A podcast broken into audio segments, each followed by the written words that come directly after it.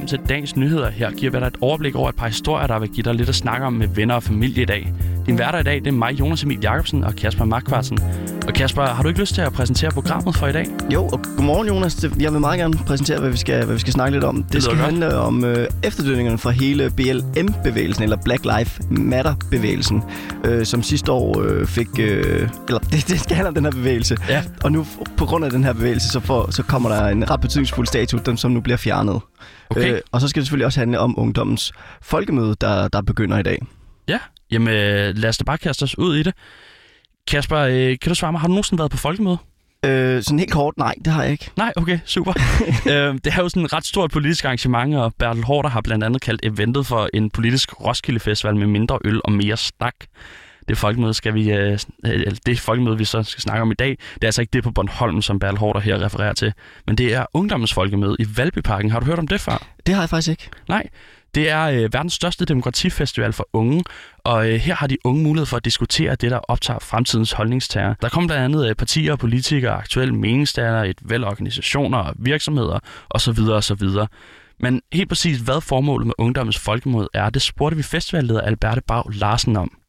Altså øh, ganske kort, så er det mere ungdomsmagt, vi gerne vil op, øh, opnå med ungdomsfolkemødet. Øh, så det er altså det her rum, hvor unge kan komme til ord direkte til nogle af dem, som har øh, magt til at ændre på noget. Derudover så vil vi også rigtig gerne øh, skabe mere øh, samfundsengagement. Altså øh, vi stiller ligesom også en platform til rådighed, hvor unge kan blive nysgerrige, og øh, man kan komme ud og opleve, og hvad er det egentlig, jeg synes er spændende, og hvad er det egentlig, jeg kunne kaste mig over, hvis jeg skulle bruge min fritid på noget, som jeg synes er fedt. Øh, der er så mange forskellige ting, man kan i Danmark, og øh, det præsenterer vi i hvert fald en, øh, en god del af her på Ungdomsfolkemødet, så man kan få lov at engagere sig endnu mere i samfundet. Altså som, som ung og sådan lidt politisk interesseret kvæg mit, øh, kvæg mit virke som, som, øh, som, som journalist, så synes jeg faktisk, det lyder, det lyder, sgu da, det lyder sgu da okay. Ja, ikke? Altså det er... Det lyder ret spændende, det lyder i hvert fald også fornuftigt, synes jeg. Øh, var du meget engageret i samfundet, dengang du var yngre? Ja, altså, lidt, lidt som jeg sagde her, så det, det var jeg ikke rigtig. altså det er først efter jeg begyndte at komme, e, efter jeg kom ind på studiet, at jeg sådan begyndte at interessere mig sådan lidt mere for, ja, for samfundet og for politik. Men at det, det, er så også, øh, det er så også vokset på mig, vil jeg sige. Ja. Hvad altså, dig? Nej, øh, jeg begyndte at sætte deadline tidligt, men, men det var så også det, det øh, begrænser sig. Jeg har aldrig været medlem af et ungdomsparti eller noget af den nej, stil. Nej, nej. nej. Men øh, hende her, Alberte Bag Larsen fra Ungdoms Folkemøde, hun forventer altså, at der dukker op mod 18.000 unge mennesker op. Men hvorfor er det så vigtigt, at ungdom engagerer sig i samfundet? Det spurgte vi hende også om det er enormt vigtigt, at der er et, øh, et folkemøde, som sætter fokus på unge, fordi unge er jo øh, fremtiden, øh, og unge har også et helt andet perspektiv på livet. Øh, vi, som er unge, vi kigger ikke bare øh, et år eller to år ud i fremtiden, vi kigger, øh, vi kigger på resten af vores liv. Så vores holdninger øh, og vores idéer, de kommer et helt andet sted fra. Altså ungdommen sætter jo gang i bevægelser, sætter gang i forandring, og det, det kommer aldrig til at blive uvæsentligt i, i vores samfund. En af dem, der vil være at finde på folkemødet i dag, det er Freja Fogdal, der stiller op til kommunalvalget for Radikale Venstre. Og dengang hun gik i folkeskole, var der ikke mange ligesender, der gik op i politik. Og derfor synes hun altså også, at sådan noget som ungdomsfolkemøde er en helt vildt vigtig begivenhed. Jamen, jeg synes, det er vigtigt, at, øh, at øh, jeg tror, der er rigtig mange. Sådan oplevede jeg det i hvert fald selv, da jeg øh, for eksempel gik i folkeskole, at der måske ikke var så mange andre lige præcis omkring mig, som interesserede sig for politik, og der fandt jeg et fællesskab i ungdomspolitik, og jeg håber også, at det for nogle af de unge, som deltager på ungdomsfolkemødet, måske øh, er et sted, hvor man kan finde ud af, at man faktisk er interesseret i politik, og det er noget, man skal engagere sig mere i. Det kan også være en anden forening øh, eller en anden organisation, man har lyst til at deltage i, men at man ligesom har lyst til at engagere sig i samfundet. Og Kasper, ved du, hvad det fede ved det her folkemøde er? Jamen, det er, det er jeg sikker på, du ved. ja, det gør jeg nemlig. Det er, at ungdom har mulighed for at både præge kommunalvalget med de initiativer, der bliver samlet sammen under folkemødet, men også, at de får mulighed for at snakke direkte med de organisationer, der for eksempel har med klimaet at gøre, som fylder rigtig meget for de unge. Det øh, fortæller festivalleder Albert Bag Larsen lige her. Først og fremmest så er det jo det her med at simpelthen øh, gå direkte til stålet til, til nogle forskellige organisationer, der sidder med ting til hverdag. Øh, men så laver vi også forskellige, forskellige indslag og kunstinstallationer, og og meget mere, hvor man, øh, hvor man kan komme ind og sætte sit præg øh, på forskellige måder, og så samler vi det ind og, øh, og sørger for, at det bliver spredt ud til politikere, og øh, vi sætter fokus på kommunalvalg, sådan, så unges holdninger kommer frem under, øh, under det valg, der er lige om lidt. Øh, og hvor mange unge jo ikke har stemmeret, så kan de få lov at præge det øh, ved at komme her på Ungdoms Folkemøde.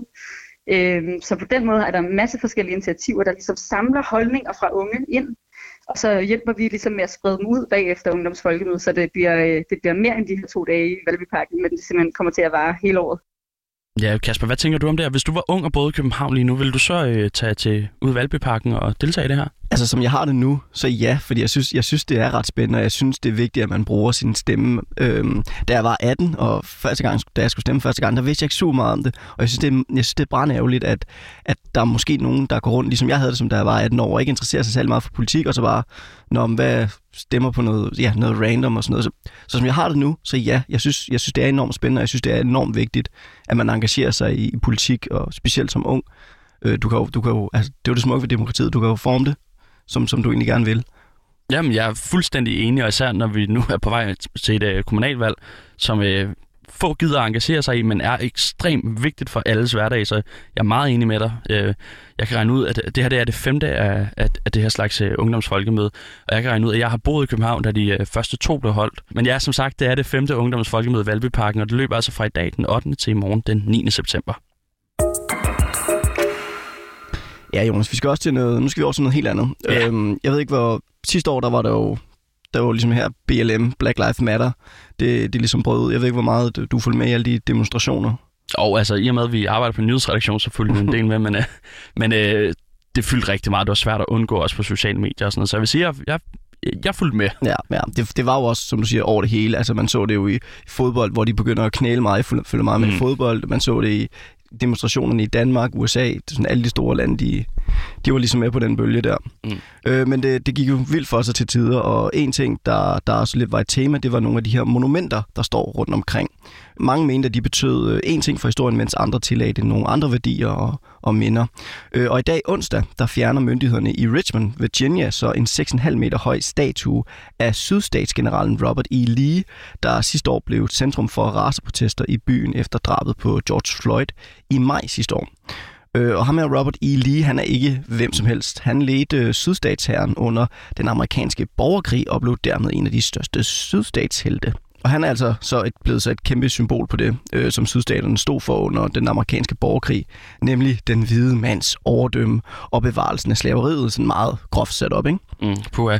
Altså jeg tænker, en sydstatshelt under den amerikanske borgerkrig, det lyder ikke som nogen sådan super rar gut. Nej, og heller ikke særlig mange folk, det tænker jeg. Nej, det tænker jeg heller ikke. Vi, vi, har, vi har set en masse række andre statuer af de her sydstatsledere og sydstatssymboler blive taget ned.